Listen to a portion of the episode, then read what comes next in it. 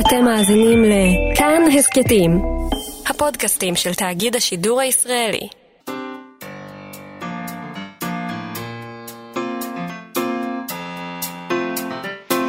מה שכרוך עם יובל אביבי ומה יעשה לה.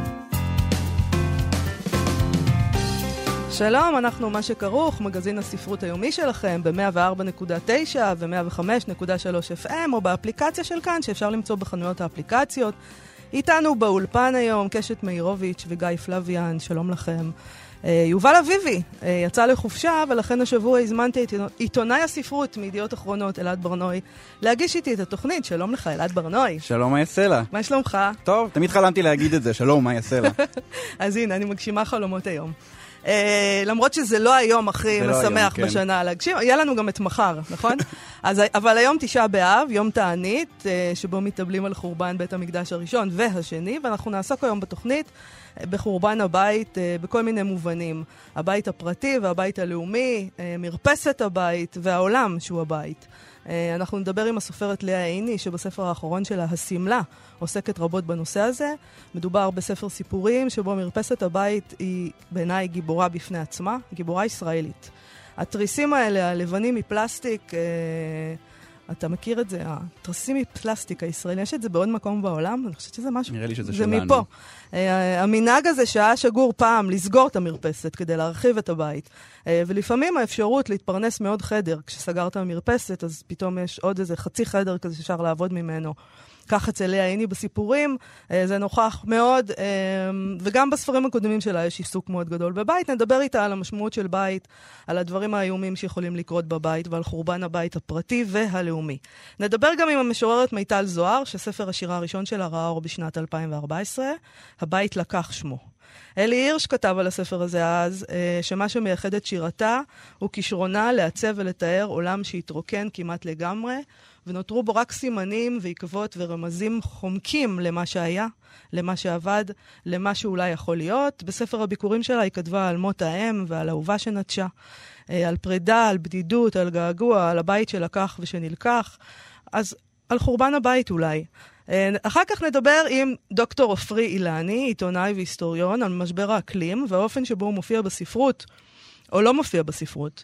Uh, העניין עם משבר האקלים הוא שיש לו מכחישים רבים, ונדמה לי שבישראל uh, לא במיוחד, uh, בכלל, זה כאילו לא נמצא בכלל בספירה. לא מדברים על זה כל כך, לא? נראה לי, גם ניסיתי לחשוב על דוגמאות uh, מקומיות לעיסוק במשבר הזה, והצלחתי לחשוב על כמה ספרים בודדים, אבל באמת גם זה בקושי, וזה מעניין לחשוב למה. Uh, יכול להיות שחושבים כאן שהצרות שלנו הן uh, דחופות יותר מקץ העולם. בדיוק. לא, עוד לא סימנו את הגבולות של המדינה, כן, אז מה עכשיו אנחנו... כן, קודם נתחיל פה, אחרי זה נראה. בדיוק. אז נתחיל עם שנאת חינם, אם ככה, אם, אם אנחנו כבר מדברים על הצרות שלנו, uh, שבגללה תמיד אומרים לנו שחרב בית המקדש.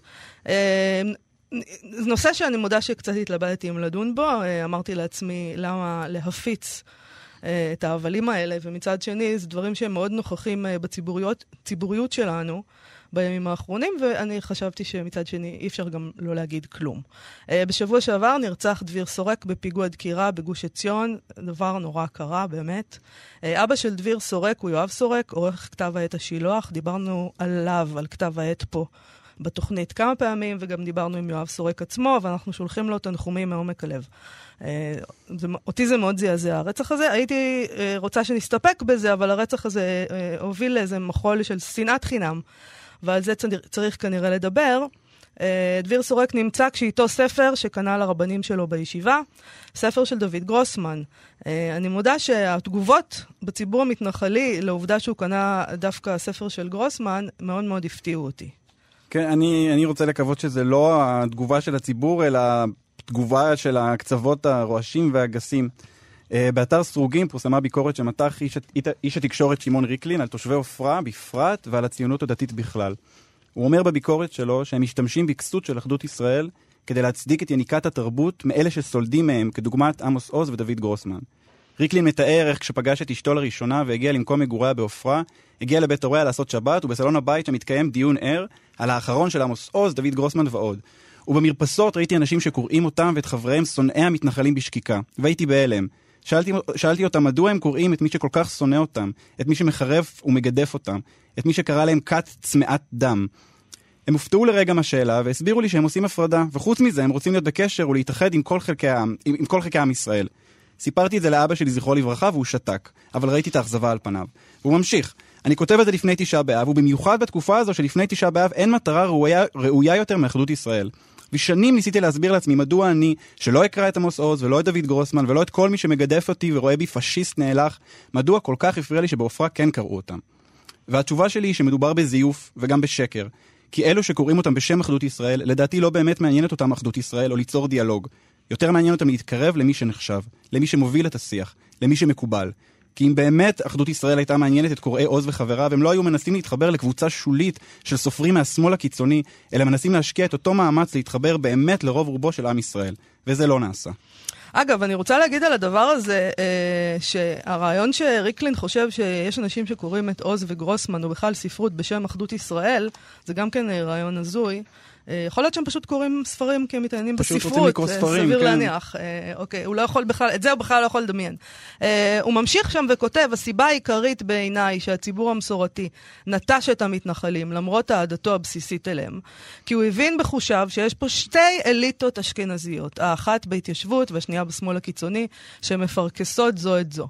ואנחנו בתמיכה שלנו בעיתון הארץ, אני לא יודעת איך זה, הוא דחף את זה גם שם, ובספרים של אלו שמבזים אותנו, במוסדות שמפלים אותנו, אנחנו אלו שמבטיחים את שלטון המיעוט השמאלני הקיצוני על חיינו.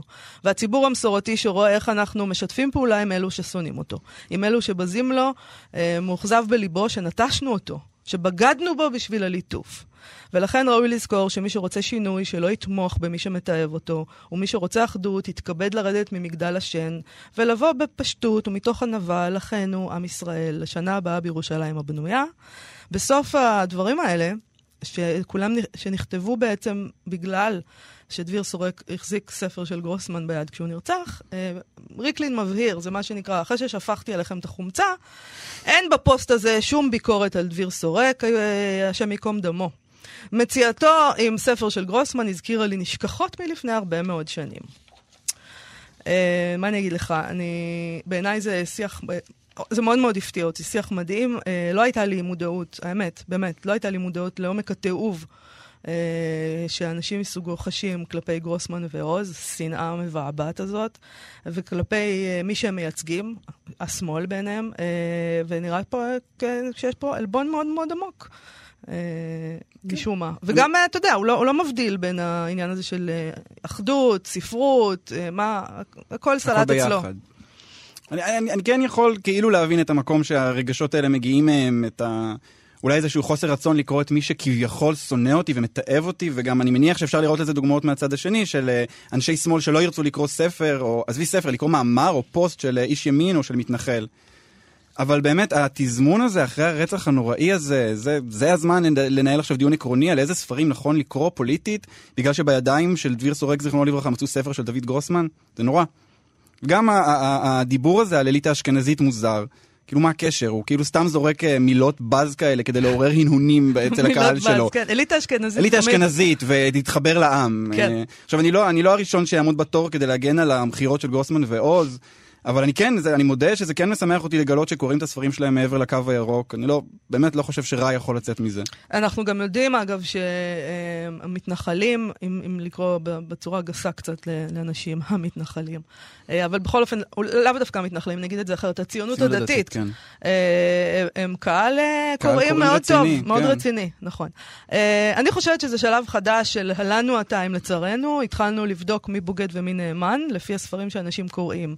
המתנחלים בעצם, הם עומדים עכשיו למבחן, וזה מבחן קשה של הציונות הדתית, כי אנשי הציונות הדתית, כמו שאמרנו, הם קוראים ספרים, ועכשיו הם בתור בעצם במבחן הזה של מי בוגד. וזה הקטע עם סימון אויבים. הם גמרו לסמן את השמאל באופן גורף, אבל נשאר להם תיאבון, אז הם ממשיכים פנימה לתוך המחנה. ואתה צודק, איזה מין זמן זה לנהל דיון כזה, למרות ה disclaimer בסוף של לא, אבל זה לא זה. לא, אבל מה אמרת עד עכשיו? כן, כן אמרת את זה. לא ש... בעיניי, לא שיש זמן לנהל דיון כזה, אבל זה רק מראה עד כמה האנשים האלה הם חסרי מעצורים. והם כנראה לא שמעו על סייג החוכמה שתיקה, שאפילו אני למדתי. כן. אולי... לא תמיד מיישמת, אבל למדתי. כן, אולי, אולי באמת עדיף לא לומר כלום.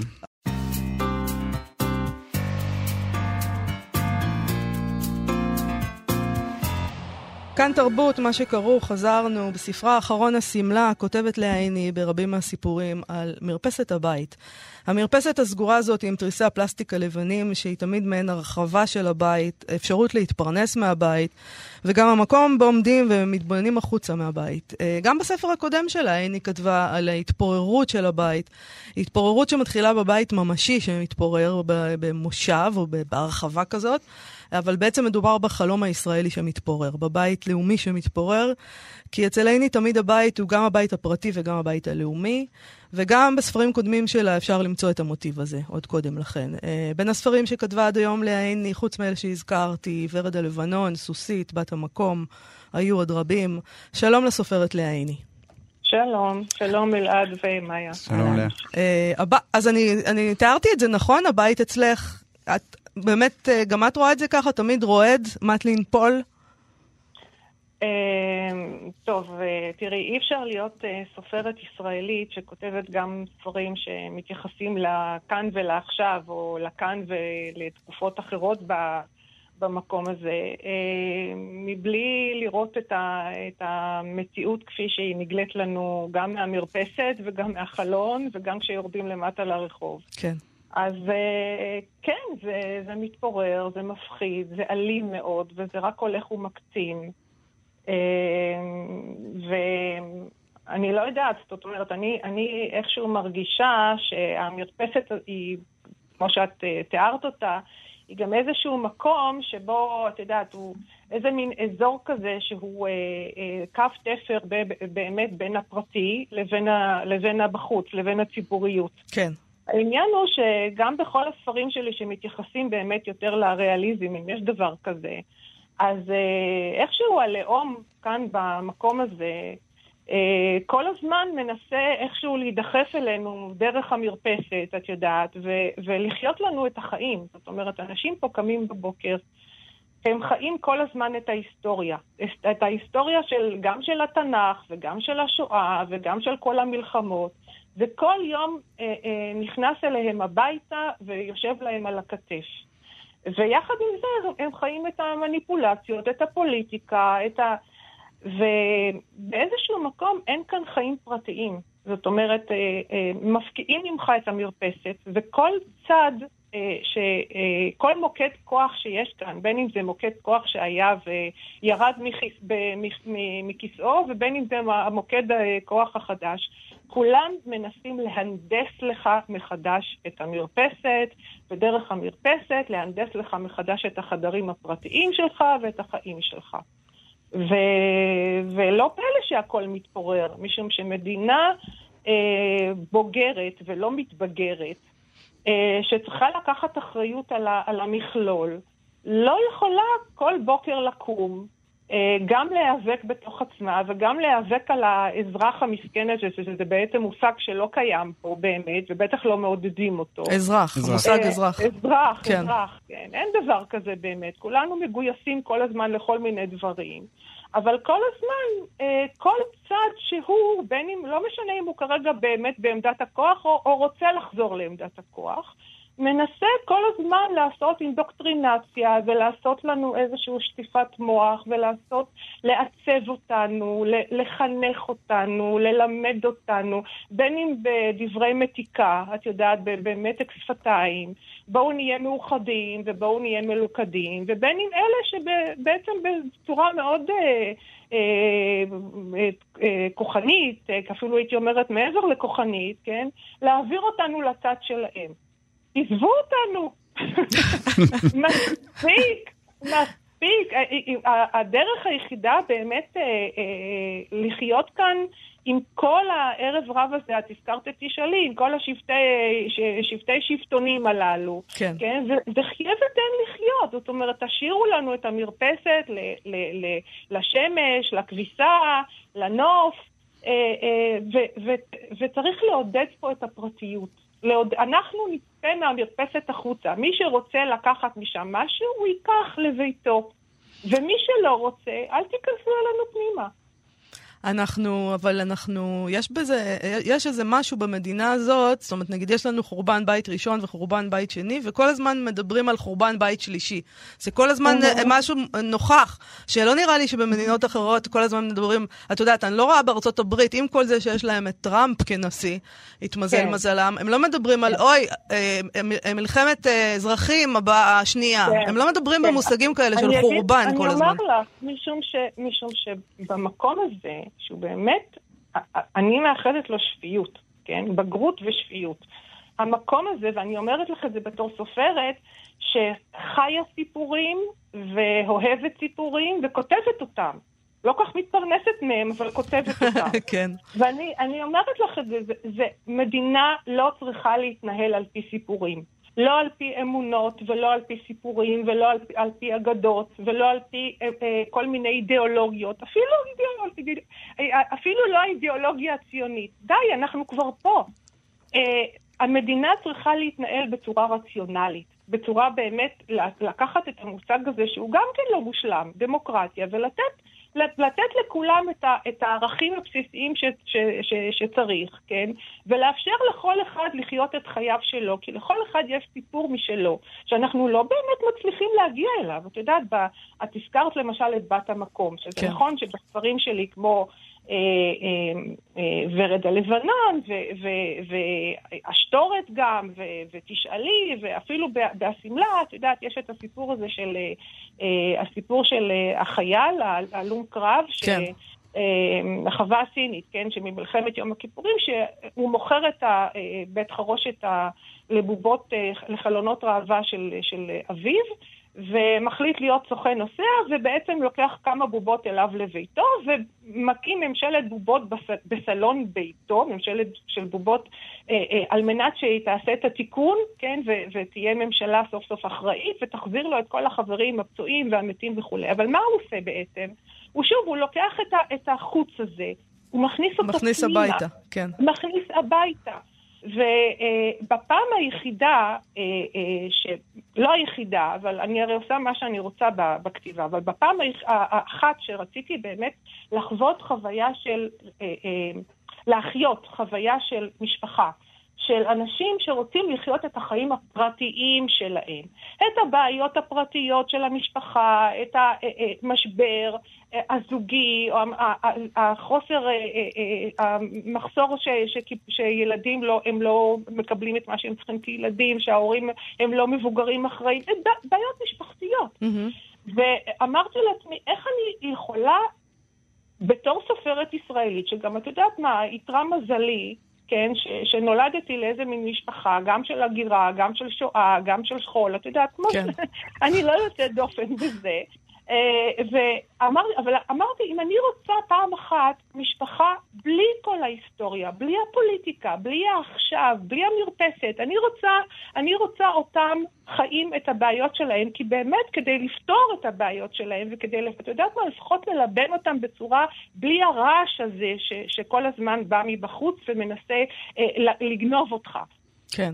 אז אמרתי לעצמי, אני לא יכולה באמת לכתוב על משפחה כזאת פה בארץ. כן, אנחנו לא חיים ככה. להיות- כן. לא, בדיוק, אמר, אם אני אכתוב על משפחה ואני אתן לה, את יודעת, את הפריבילגיה שכאן כאילו היא לא קיימת, להתעסק בעצמה, אז uh, יגידו לי, רגע, אבל איפה כאן השכול? מה, אף אחד לא מת להם במלחמה? כאילו, ומה עם השואה? זה ז'אנר, מה זה הסיפור? מדע בדיוני, זה, את צריכה לעבור ז'אנר. בדיוק, זה לא כן. קיים, זה לא קיים, ולכן הייתי צריכה לקחת את המשפחה הזאת, שהיא הרבה ממנה, את יודעת, הרבה דווקא מייצגת משהו ב- בשבר הפרטי שלי, כן, אבל הייתי צריכה לקחת אותה.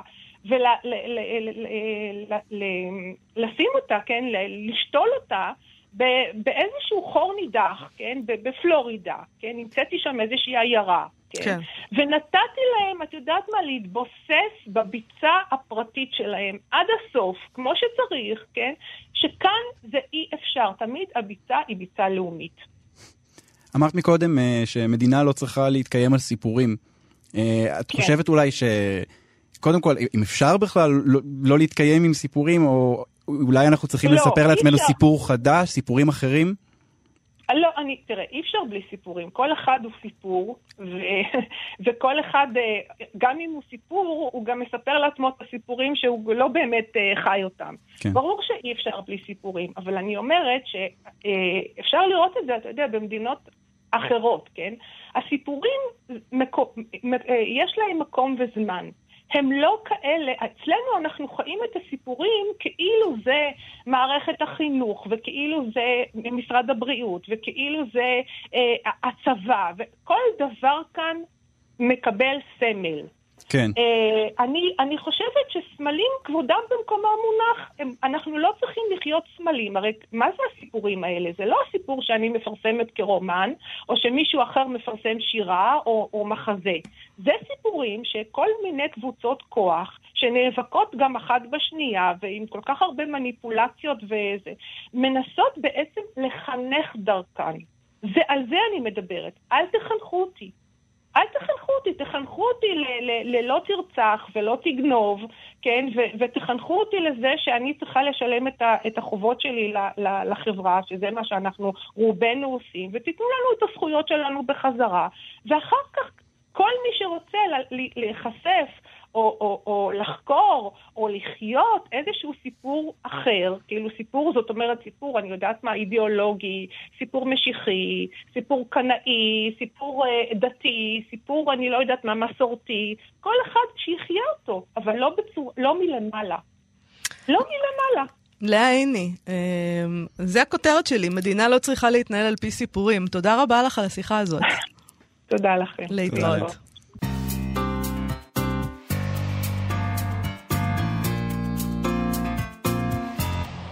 מה שכרוך כאן תרבות, חזרנו. הבית לקח הוא שמו של ספר הביקורים של המשוררת מיטל זוהר, שראה אור בשנת 2014. בקרוב יצא ספר הפרוזה הראשון שלה, נבדה, בהוצאת הקיבוץ המאוחד.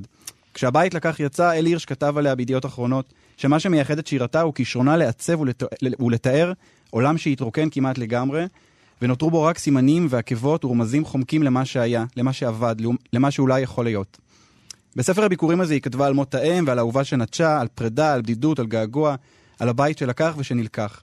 ואני חייב להגיד שהבית לקח הוא מספרי השירה האהובים עליי, ואחד מספרי השירה היחידים שאני מקפיד לקחת איתי לכל בית שאני עובר אליו. מדהים, זה לא צחוק. כל מקום. דבר רציני, אוקיי. חצה וזה אוקיינוסים. אמיתי, ספר אמיתי, ספר לא אמיתי, PDF. קטן, והוא חצה אוקיי. אוקיינוסים הספר יפה. הזה. שלום למיטל זוהר.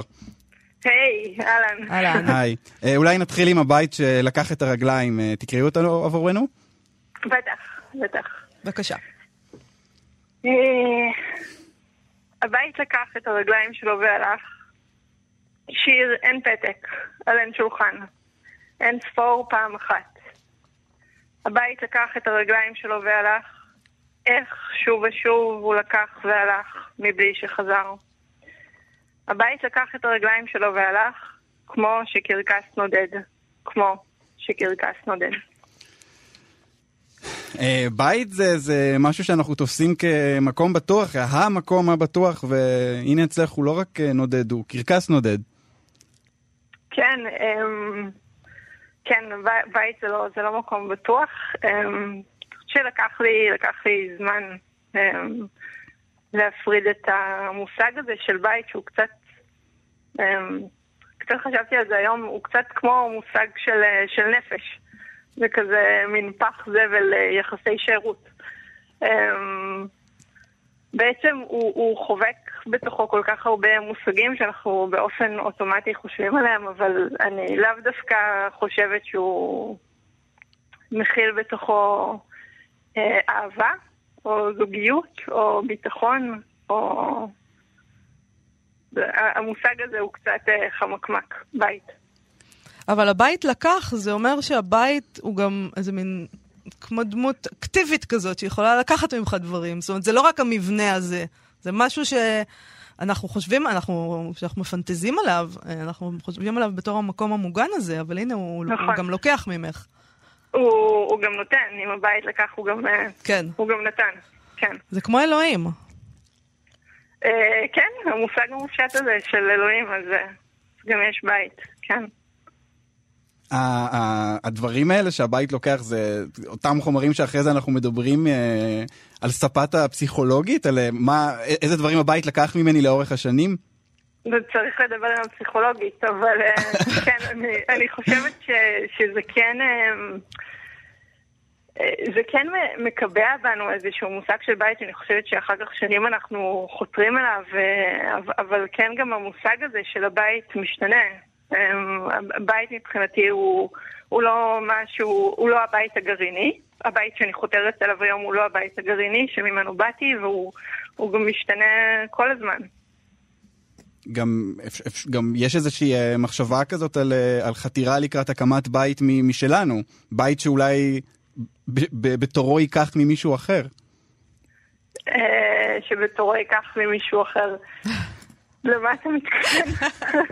אני מתכוון לזה, אנחנו חושבים על בית בתור באמת המקום שבאנו ממנו, הבית, כמו שאמרת, הבית הגרעיני, ומתוך איזושהי כוונה אנחנו מנסים לבנות לעצמנו בית חדש, בית משלנו. בית אה, עצמאי.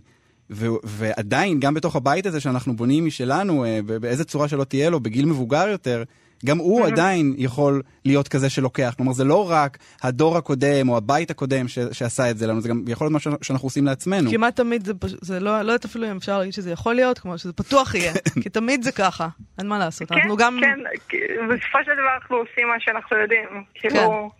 אולי אי אפשר אחרת פשוט, מאשר לעשות את זה. בעצם אה, אותך חי, אתה... איך שהוא עושה את זה. אפשר קצת יותר טוב אולי. כן, אולי אפשר קצת להשתפר. אה. בנבדה אה, את עוברת לפרוזה, נכון? נכון. את מתעסקת. שם גם בנושאים האלה, בבית? כן, נבדה בעצם לוקח את ה... אפשר לקרוא לזה יסודות שקיימים בבית לקח, ומניח אותם בהקשר יותר רחב, את האין ספור פעם אחת, אז הוא כן פורט עכשיו לפרטים. אמ, אני לא יודעת באמת אם בצורה שלמה יותר, אבל כן בצורה יותר אה, רחבה. אמ, ונבדה, הבית הוא בנבדה או שזה לא קשור השם הזה? אמ, הבית הוא, הוא לא בנבדה, mm-hmm. כאילו יש גם נבדה, ארצות הברית בכלל נוכחת, אבל אה, לא, הבית הוא לא בנבדה, הבית הוא בישראל. אה, זה בעצם מספר גם סיפור של, אה, של משפחה, של בית. אה, אותם יסודות באמת שהיו קיימים בבית לקח, אבל שם אותם בקונטקסט אחר, וגם הצורה, מן הסתם היציאה הזאת לפרוזה, היא גם הוציאה ממני דברים אחרים. טוב, טוב נחכה לספר. כן, נחכה לקרוא. הבית לקח את הרגליים שלו והלך. מיטל זוהר, תודה רבה לך על השיחה הזאת. תודה, מיטל. תודה רבה לכם. להתראות.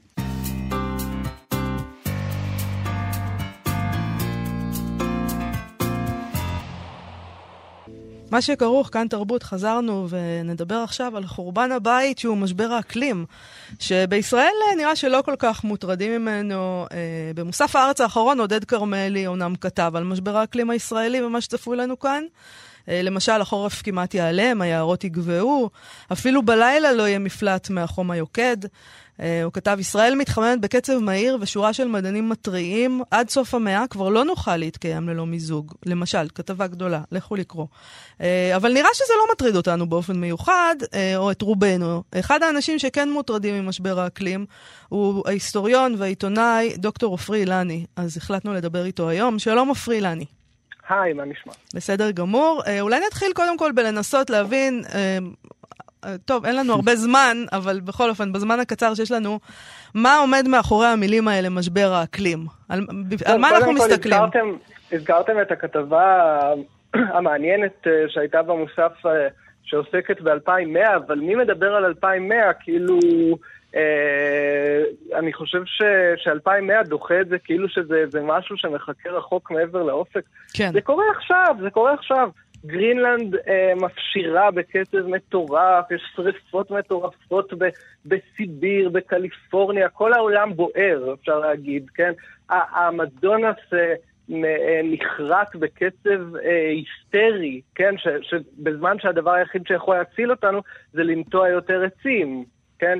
אה, אז כאילו, אנחנו, כל, משהו מיוחד לדעתי בתקופה הנוכחית שאנחנו מתחילים להרגיש את הדבר הזה בצורה מאוד... אה, משמעותית, וזה לא, לא איזשהו עניין שמחכה לנכדים שלנו, כן? כן. זה, זה קורה עכשיו, וכל שנה נרגיש את זה יותר, ו... אפשר, אה, אפשר, אה, ב-2040 כבר יהיה כאן שמח. אז לא, איך לא אתה מסביר להגיד, את כן. זה ש... שאנחנו לא מתרגשים? אנחנו, אנשים פה, זה לא מעסיק אותם. נגיד, יש בחירות, עוד מעט, היו בחירות לפני רגע, זה בכלל לא נושא. לא, נכון, אז זה בגלל שבישראל יש איזשהו נרטיב, וזה גם קשור לספרות, כי זה מתבטא גם בספרות, תכף אני, אני כן. אזכיר את זה, שיש כאן נרטיב מאוד מאוד אה, אה, רב עוצמה, שזה הנרטיב הלאומי, הפוליטי, כל מה שקורה גם מבחינת החברה הישראלית בפנים וגם אה, הסכסוך, כן? ופשוט כנראה אי אפשר להתחרות בזה. באופן כללי, הנושא של משבר האקלים סובל מ... אמ, אולי חוסר פופולריות מסוימת, כי הוא לא נוגע בגרעין הזהות שלנו, זה לא נוגע בגרעין הזהות של אנשים, אה, ומי שפנוי לעסוק בו, אפשר לומר, זה אנשים באמת במקומות הכי שבעים, ששם יש עיסוק כבר מאוד מאוד אינטנסיבי, כן? כן. במקומות כמו שוודיה, בגרמניה, בקליפורניה וכן הלאה, אבל כמעט כל בעיה אחרת, אה, אפשר לומר, דוחה את זה לאיזשהו מקום יותר רחוק ב- בסדר העדיפויות. ויכול להיות שהסיבה לכך זה שאין כאן גם איזשהו אויב מוחשי. כן, אה, אין כאן אה, טרוריסטים, או אפילו לא כל כך בעלי ההון, אלא יש איזשהו גז בלתי נראה, כן, CO2, שהולך ומצטבר באטמוספירה בכל מיני, אה, אה, ברמות של אה, בסך הכל אה, שברירי אחוזים, ויש לו השפעה מאוד, אה, אפשר להגיד, אה, ארטילאית על המערכת בכללותה. כן. כן. עכשיו, אה, אני רק אגיד שיש סופר, עמיטב גוש, סופר אה, הודי אמריקאי, שהוא גם עוסק בנושא הזה וגם כתב על זה מסע גדולה אה, לא מזמן, והוא באמת מדבר על זה שהספרות צריכה להתחיל אה, אה, לחשוב איך היא מכניסה את ה... את הדברים האלה אה, לתוך הנרטיבים, ולא רק כל מיני דברים שקשורים ליחסים בין אנשים אה, וכן הלאה, כמו, אבל זה אתגר, זה לא קל להכניס אה, כן, אה, עלייה של פני הים לתוך הספרות. כן. אז זה באמת, כן, אז סליחה. בוא אלעד. באמת, בוא, בוא נדבר על ספרות. איך, איפה רואים את זה? יש את זה בכלל בספרות שלנו, בספרות מקומית? אז זהו, שבספרות המקומית, שוב, אנחנו, אה, יש דווקא בספרות העברית אה, הרבה דיסטופיות, כמו שאנחנו יודעים, וזה מתרבה, כן? אבל הדיסטופיות הן בדרך כלל פוליטיות. כן. החורבן הוא בדרך כלל חורבן פוליטי. הבית, אה, בדיוק, קיצוניים כן, משני הצדדים. בית המקדש השלישי אה, אצל אה, אה, ישי שריד, כן. אה, אה, פנאטיות, פונדמנטליזם מאז פונדקו של יר- ירמיהו, ובדרך לעין חרוד, מיליטריזם, דיקטטורה, אה, אני יודע מה, ונגיד, אם נסתכל על אה, חלקיקים אה, אלמנטריים, סליחה, אה, של אורלי קסטלבלום, אה, חלקיקים אנושיים, אני לרגע כן. שכחתי את השם, אז שם דווקא איזה, איזה, יש פתאום איזה חורף אינסופי, זאת אומרת, לפעמים משתמשים ב... באקלים כאיזה מטאפורה, אבל לא כל כך בדבר הקונקרטי של שינוי האקלים. אולי כי שוב, זאת אפילו לא קטסטרופה חד פעמית ודרמטית, כמו איזה פגיעה של כוכב שביט, שגם את זה אוהבים לפעמים, במיוחד בקולנוע. כן. אבל כאן יש משהו שהוא יותר הדרגתי, ואם הוא מתבטא לפעמים זה באמת בכל מיני יצירות כאלה שקורות עוד 50 שנה, אבל שוב, לא כל כך אצלנו. אני חושב שבספרות העברית מעט מאוד. בספרות העולמית יש קצת יותר. כן, יש אצל אה, איין מקיואן יש ספר שמתעסק בזה. עם השמש. אה, סולר? כן. סולר, סולר. נכון, ספר לא טוב. את זהו, בספרות- זו הבעיה, יש פה איזה מלכוד עם הדבר הזה, אני כן. חושב גם על מרגרט אטווד, הספרים שלה. שעוסקים, זה לא הספרים הטובים שלה. יש כאן איזה זה לא כאילו. איזה מלכוד, כי יש משהו, קודם כל התחממות גלובלית זה דבר, זה כל כך טוטאלי וכל כך חד משמעי, אז איך הופכים את זה בכלל למשהו מעניין, ומעבר לזה גם, זה, כמעט מעורר אה, חרדה משתקת, אתה, אתה חושב על הדבר הזה, אתה אומר, טוב, אני די, אני, לא, אני, אני אתכנס בתוך עצמי ואני אפסיק, אני אפסיק להתקיים, אלוהים, העולם קורס. כן, זה, למרבה הצער צריך לומר שאפילו אה, ספרות פוסט-אפוקליפטית, בדרך כלל יש איזשהו פיצוץ אטומי, ואז יש כאילו איזשהו שקט, העולם החרוך, ונשארים כל מיני ניצולים, ומתחילים לבנות מחדש את העולם, כן? או להסתובב בכנופיות, כמו ב"הדרך" של קורמק מקארתי. מה שטרגי בסיפור של אה, ההתחממות העולמית, שזה ימשיך ויתחמם ויתחמם ויתחמם אה, יותר ויותר למשך אלפי שנים, כן? זה משהו כמעט בלתי נתפס. אין כאן איזשהו אה, קטקליזם שאחריו אה, יהיה שקט. זה בעצם מדובר על משהו שיצריך כנראה הסתגלות אה, אה, מאוד מאוד רדיקלית לחיים בתנאים מאוד מאוד לא צפויים. ו- דווקא נשמע לי ש- נושא נפ- נפלא לאיזה מד"ב, זה לא מד"ב, זה, זה ספר, זה ריאליסטים, ריאליזם סוציאליסטי מהסוג הזה, באמת. נכון, אז יש דברים כאלה, כן, ויש לומר שמה שקורה שה non-fiction בשנים האחרונות מתחיל אה, להפוך למדע מהסוג הזה. למשל, יצא השנה ספר אה, The Uninhabitable Earth, שהוא היה קרב מכר די גדול, אה, כלומר כדור הארץ הבלתי ניתן ליישוב, שהוא מנסה לתאר את, ה, את המציאות, לא, לא כל כך העניין של להגיד מה אתם צריכים לעשות כדי למנוע את זה, אלא את המציאות בעולם של מגפות, שריפות פרמננטיות, אה, בצורות, משהו שבאמת אתה שואל את עצמך, אה, אה, כמה פעמים אפשר להרוג אותנו כבר, כן? ובכל זאת ההנחה שלו זה שהמין האנושי לא ייכחד לחלוטין. אני גם חושב ככה, דרך אגב, בשונה מאולי מה שאפשר להתרשם, אה, יהיה יהיה פשוט קשה מאוד לחיות בכדור הארץ, זה יהיה קצת כמו, כמו לחיות באיזה כוכב לכת הרבה יותר עוין, אה, ודברים שנראים לנו היום מובנים מאליהם, כמו, כמו אוויר, כמו איזושהי קרירות, כמו מים, יהיו דברים שיהיה צריך להיאבק עליהם, ויהיה לזה המון השלכות, אבל uh, בספר הזה, של וואלאס ווילס, הוא מדבר גם על דברים אחרים, למשל דתות שיצמחו בתוך המצב הזה של החוסר אונים, נגיד כשנעבור כבר איזושהי נקודת אל חזור, ובעצם אמ, לא, לא יהיה כבר כל כך מה לעשות מבחינה פוליטית, אלא רק לחיות בתוך עולם שהוא באמת כאילו זעם האל, אפשר לומר, ניתח עליו, ואפשר לדמיין כל מיני uh, דתות אפוקליפטיות שיצמחו, uh, ובכלל, uh, איך זה ישפיע גם על המנטליות. אלה דברים שכמובן הם מאוד ספקולטיביים, ולכן הם בדרך כלל באמת שייכים לתחום המדע הבדיוני, אבל אפשר לומר שהמדע הבדיוני מתחיל לחלחל לתוך ה... המדע הלא בדיוני. אני רוצה לשאול משהו רגע מחוץ לאזורי הספרות, ולדבר על המציאות, לסיום, אה, כי זה מאוד מטריד אותי. כן. אה, אפשר, נניח שהיינו מודעים לזה, היקום והמנהיגים, אפשר היה לעצור את הדבר הזה? לכבות את כל המזגנים ולנסות... צריך לומר שלעצור לחלוטין את ההתחממות כבר אי אפשר. זה כאילו התהליך כבר יצא לדרך והוא בעצם כבר קורה.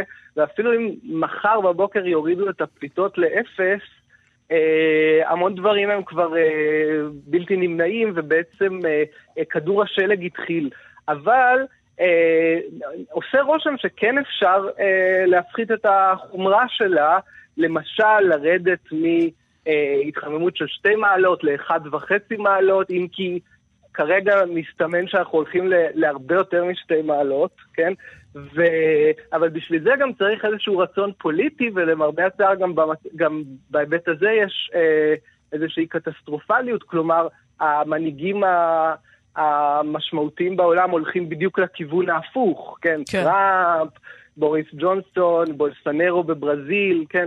אז יש כאן על גבי, אפשר לומר, המצב העגום האקולוגי, קטסטרופה פוליטית גם, שקשה לראות שבחלון הזמן הזה שנותר, יעשו את הפעולות ההכרחיות שהן מאוד מאוד דרמטיות. זה לא איזה משהו של להחליט שאנחנו לא אה, משתמשים בקשים או משהו כזה. עופרי אילני. אולי כדאי לצאת בקריאה לסופרי ישראל, אה, תרימו את הכפפה, יש פה איזה ריק, מהר, לפני שהכל יישרף, תזדרזו. תודה רבה לך, עופרי אילני. תודה לכם, להתראות. טוב, אלעד, אנחנו סיימנו להיום. איך אתה מרגיש? מרגיש, מרגיש חוסר הספק בעיקר. אז יש לנו גם את מחר, גם את מחרתיים, ואפילו את יום רביעי. נגיד תודה לקשת מאירוביץ' וגיא פלוויאן שעשו איתנו את התוכנית, ואנחנו נהיה פה שוב מחר עם אלעד ברנוי. אה, להתראות. אתם מאזינים לכאן הסכתים, הפודקאסטים של תאגיד השידור הישראלי.